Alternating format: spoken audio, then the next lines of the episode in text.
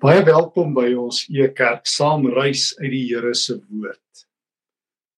Wanneer Jesus 'n kans waag met jou. Ek het dit een keer vir iemand gesê, dit kom nou die dag weer by my op. Ek onthou so 2 jaar gelede toe my foon lui en ek op my selfoon die naam sien, toe weet ek. En toe ek antwoord, toe herken ek onmiddellik daardie diep ryk stem van hierdie vriend van my Maar daar was daardie dag 'n dringendheid in sy stem. Stefan sê vir my, "Kan ek hierdie evangelie glo?" het hy vir my gevra. Jy moenie nou met my doekies omdraai nie. Gee dit vir my eenvoudig, gee dit vir my pad langs, gee dit vir my vir oulaas.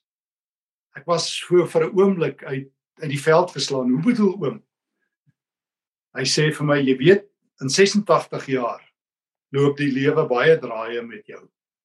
En het ek baie vreemde paaie partykeer geloop. Afdraai paaie noem julle teoloë dit, verdwaal paaie. En nou klop die dood aan my deur. Daar's nie tyd nie. Kom ons praat oor die evangelie. En onmiddellik het ek teruggedink aan die vorige 5, 6 jaar dat ons 'n diep vriendskap ontwikkel het. Uh die oom en sy vrou en ek en my vrou ook baie keer in die motor geklim het en na Pretoria Noord gery het Dat ons daar onder die ou groot bome in die warmte van die tuin gesit en koffie drink. Hy het sy sigaretjies uitgehaal en een na die ander getrek en sy vrou het vir ons goeie koffie gemaak. En ek wou altyd met hom 'n paar politieke vrae bespreek. Dan het hy vir my gesê daar's nie nou tyd nie. Kom ons praat oor jou boek oor die Bybel. Hierdie oom het diep spore in ons land getrap. Hy was 'n bekende politikus, Pik Botha. Die langste minister van buitelandse sake uh, gedien in die kabinet van die ou nasionale party en ook in Nelson Mandela se kabinet. Vriend van al die groot wêreldleiers van sy tyd Reagan en almal. Maar die dringendheid oor die evangelie het my aangegryp. En toe daardie laaste telefoonoproep so 'n maand voor sy dood sê vir my kan ek hierdie evangelie van Christus glo? Ek onthou hy het my vertel jare gelede hoe hy en ehm um, Stephen Hawking vriende was. Trouwens, hy het selfs gereël dat hierdie wêreldberoemde wetenskaplike vir Nelson Mandela ontmoet. Maar maar die evangelie het aan Pope Botha se hart bly klop. As 'n jong man het hy teologie gaan studeer en toe het die politiek hom geroep. Maar Christus was met hom besig.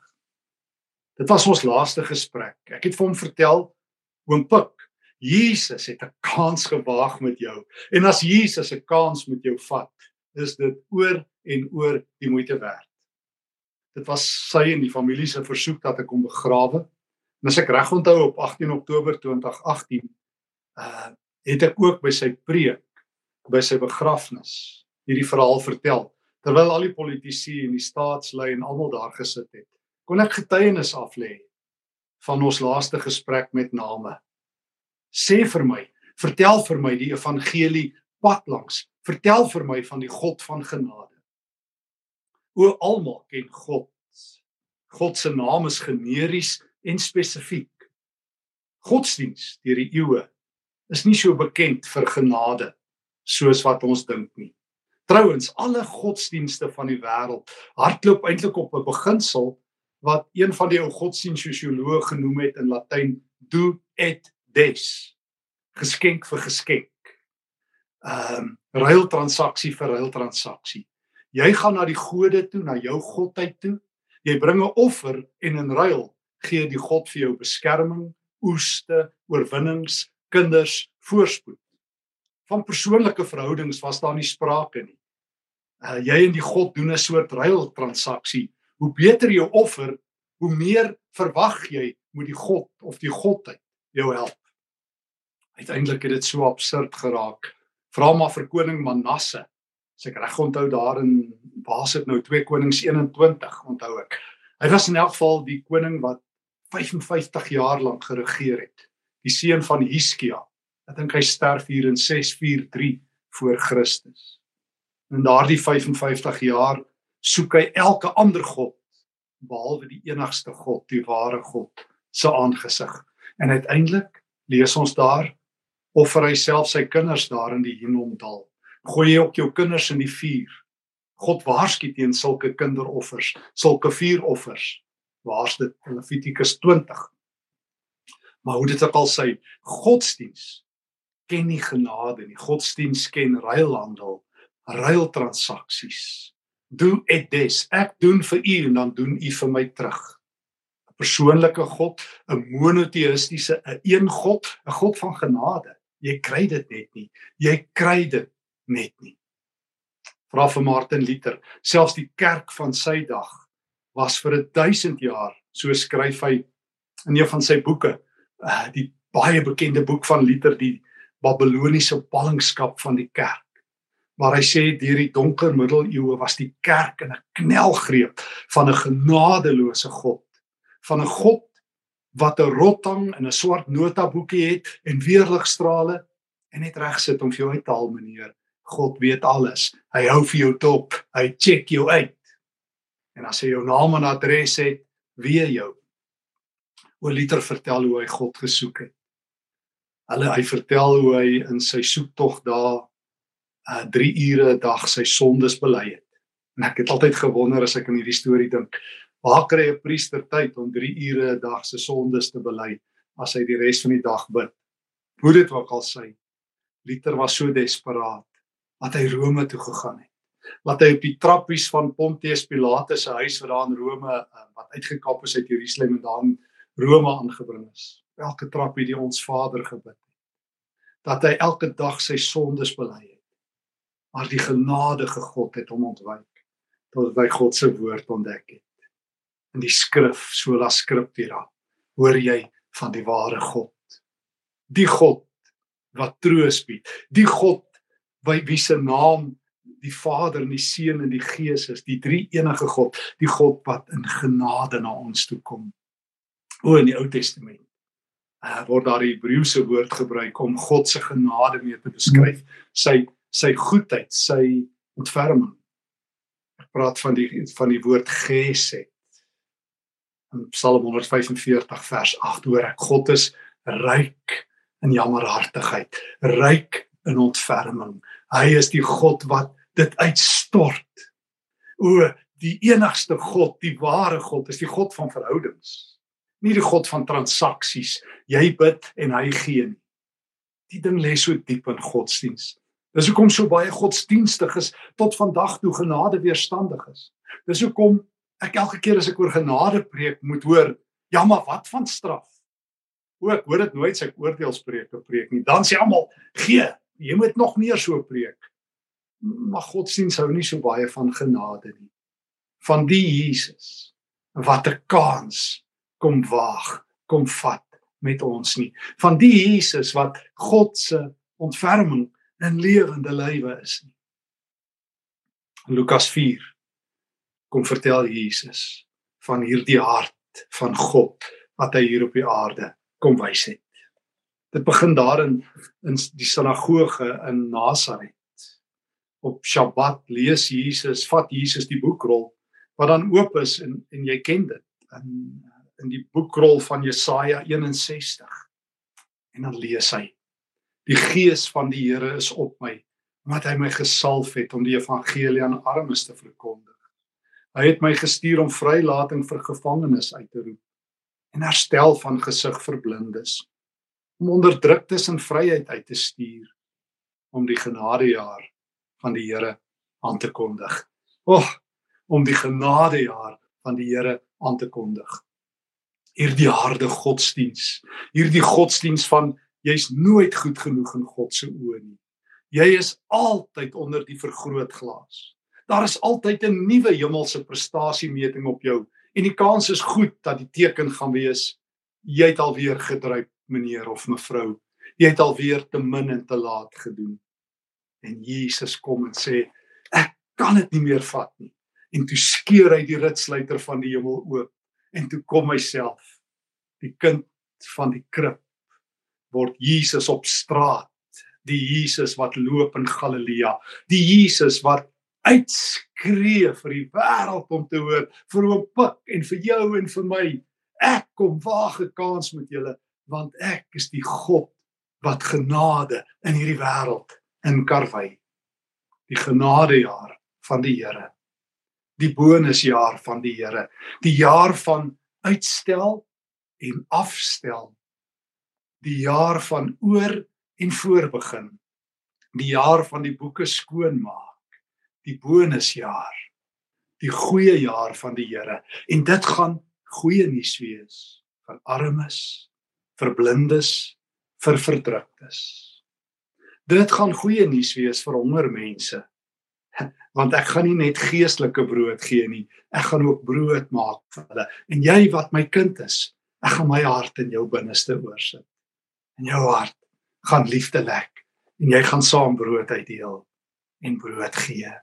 O Jesus is God wat genade in die wêreld indra. Godsdiens is nie genade nie. Godsdiens los van Jesus. Maar wanneer Jesus op die toneel kom, dan kom God na stikkendes en verlorenes en hongeriges toe. Na mense wat hoop verlore en brood verlore en lewe verlore is. Dan stop Jesus by hulle. En daarom een van my allergunsteling tekste in die Nuwe Testament, Lukas 13, kan Jesus nie anders as om dit ook in storievorm vir ons te vertel nie. Hoe hy hierdie Jesus wat wat in in in, in Lukas 4 sy sy agenda vir ons bekend maak. Hoe hy dit ook in storievorm vir ons vertel. Ag, ek het al so baie by hierdie teks al gestaan. My elke keer verras dit my uit nuwe hoeke uit. Mag dit jou ook volgend verras. Lukas 13 vanaf vers 6. Toe het Jesus hierdie storie vertel, hierdie God storie, soos wat ek gelykenisse noem. Hierdie storie wat sê, "Kan ek jou gou nooi? Kom sit gou aan my voete, dan wys ek jou my Vader se hart. Dan wys ek jou hoe lyk die hemel en dan leer ek jou hoe om hemel op aarde te kry en hoe om aarde uiteindelik in die hemel te kry." Dan word Jesus se storie, sy verhaal as jou ore oop is en jou oë die brug hemel toe en terug. Hierdie Jesus wat wat 'n kans kom waag. Hoor klink dit as hy dit self vertel. Daarna het hy hierdie gelykenis vertel. Man het 'n vrye boom gehad wat in sy wingerd geplant was. Toe hy vrugte daarin kon soek, maar niks kry nie, sê hy vir die tuinier: "Kyk, dis nou 3 jaar dat ek aan hierdie vrye boom vrugte soek en ek kry niks. Kap hom uit." Maar die tuinier antwoord: Meneer, laat hom nog hierdie jaar staan. Ek sal die grond rondom hom omspit en bemes.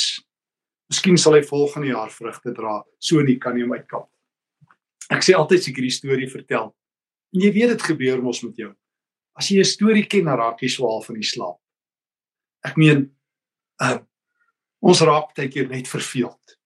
Ek moet bely, ek het al baie keer in my kinderjare het ek so deur die kerk se eerste ruk gegaan, want dit was so elke Sondag dieselfde en ehm um, ons is maar daardeur. En en ek dink dit het met die ou Jode gebeur. Hierdie die die die beeld van die wingerd is so 'n bekende storie in Israel. Dat as jy dit gehoor het, as Jesus begin eendag was daar 'n wingerd dan sê, "Wa, ek ken die storie." Die storie loop soos volg. God het 'n wingerd, die wingerd misluk, the end. Jesaja 5, die bekendste waarskynlik wingerd verhaal. God het hierdie edel wingerd, sy volk maar hulle bring geen vrugte en wrang vrugte en daarom sê God gaan hy sy wingerd vernietig. So as Jesus sê eendag het God 'n wingerd gehad. Dan sê die Israeliete ken die storie. Dis 'n genadeloose storie. Nee, sê Jesus, wag. Wag. Wag, dis nou my storie. Bly uit my storie uit. Dis nou my storie. Hy sê eendag was daar 'n man wat 'n vrye boom gehad het. Hulle sê stop, dis verkeerd. Dis nie 'n vrye boom nie. Dis 'n dryweboord. Jesus sê, dis my storie, bly uit my storie. Ek vertel die storie nie want ek wil vir julle iets nuuts en vars van God leer. Daar was 'n vrye boom wat nie gedraai het nie. En hulle sê Here, is weer verkeerd. U vertel 'n um, 'n wingerd storie. U vertel van 'n vrye boom, dis drywebome. En derde, drywe wingerde. En derdens vertel hy van een boom wat nie vrug gedra het nie. Het jy vergeet in Israel se wingerd is alle bome 'n mislukking. 100% van bome dra nie vrug nie. Hm. Ek hoop jy hoor wat is genade. wanneer Jesus in die storie kom, wanneer hy in jou lewe inmeng, wanneer hy 'n kans met jou waag, verander die storie. Klink die storie vars anders. Die Jesus wat gesê het God se bonusjare is hier.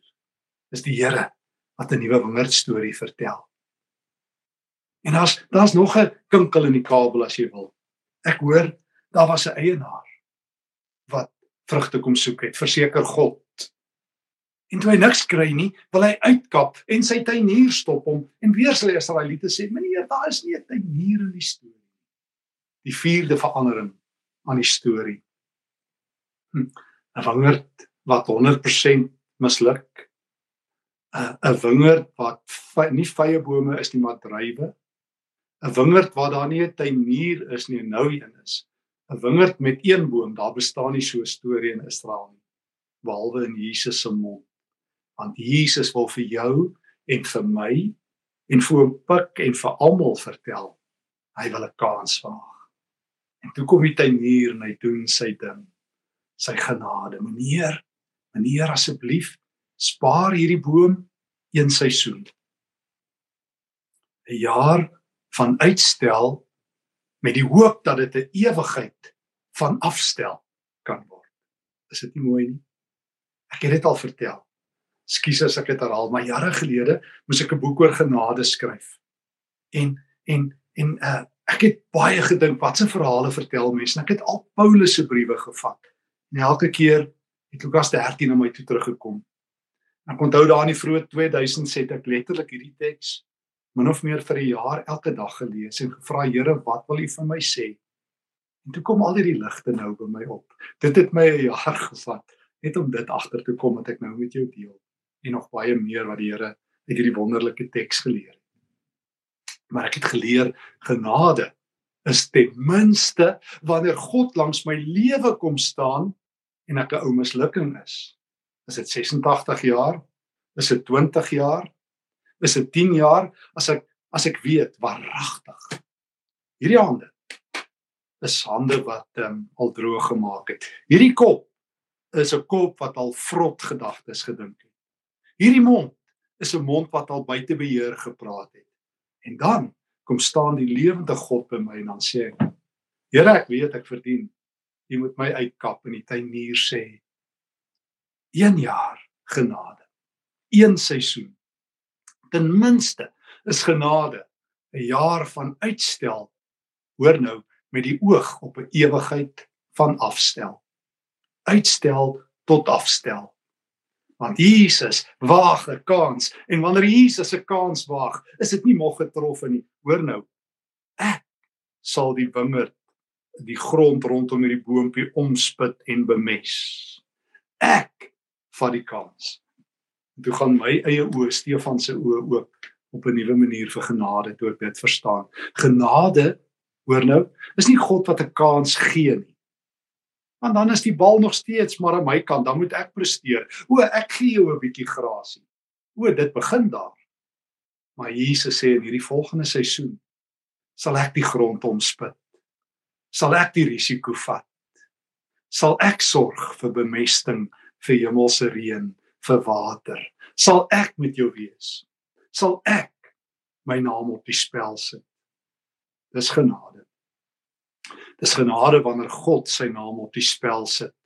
Dis genade wanneer Jesus sy hemelse glorie inruil vir 'n aardse kruis.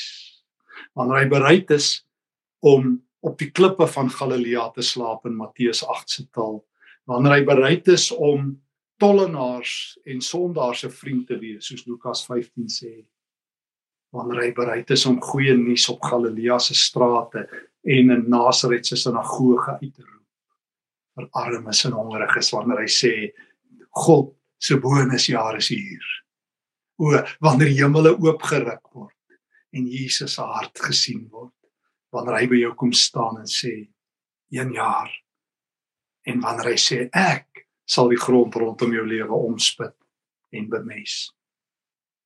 En ek sê altyd wanneer ek by hierdie teks stil staan vir myself En ek moet sê ek was 'n rukkie gelede laas by Lukas 13 en toe dit hierdie week op my skerm is, toe dink ek weer daaraan dat dat dit genade is dat ek dit weer kan lees.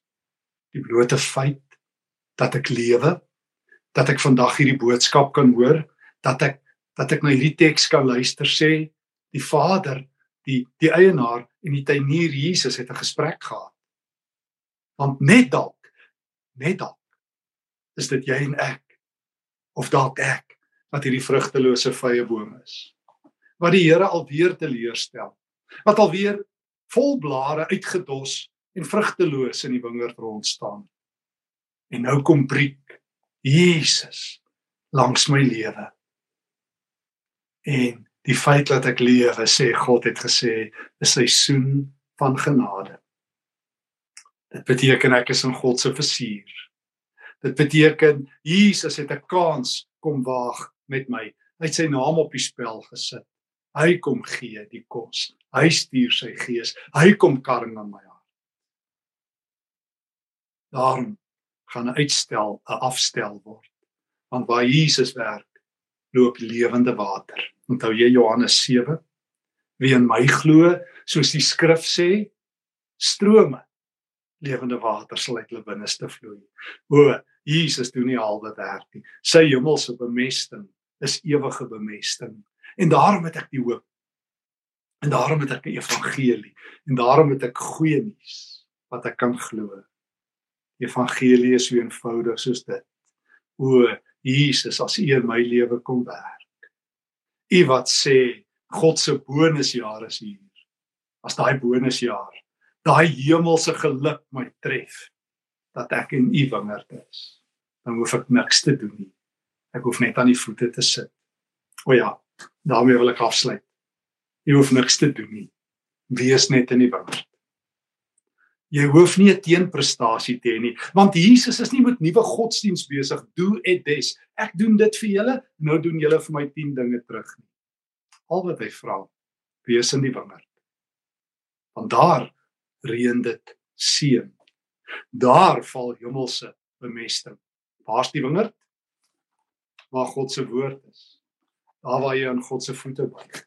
Daar waar armes is en Christene vir hulle kos gee daar waar stikkend is en in God se naam dit heel gemaak word, daar is die wingerd. Wees daar. Wees net in die wingerd. God sal die res doen. Hy sal jou lewe verander. Ons laaste gesprek my noem Pik Botas in was vir my een van die hoopvolste gesprekke. Stefan vertel vir my, kan ek hierdie evangelie glo? Ek sê oom, met oom se hele hart. Ek het baie afdraai paaie geloop. Oom Christus se kruis is die uitveer. Elke kronkelpaadjie, elke afdraai paadjie ken hy en het hy uitgevee. Oom hoef dit nie meer te onthou nie. Christus het betaal. O in die wingerd. Wees net daar. Wees net daar. Want die tuinier is daar. Die eienaar is daar. En hy sal vir die vrug sorg.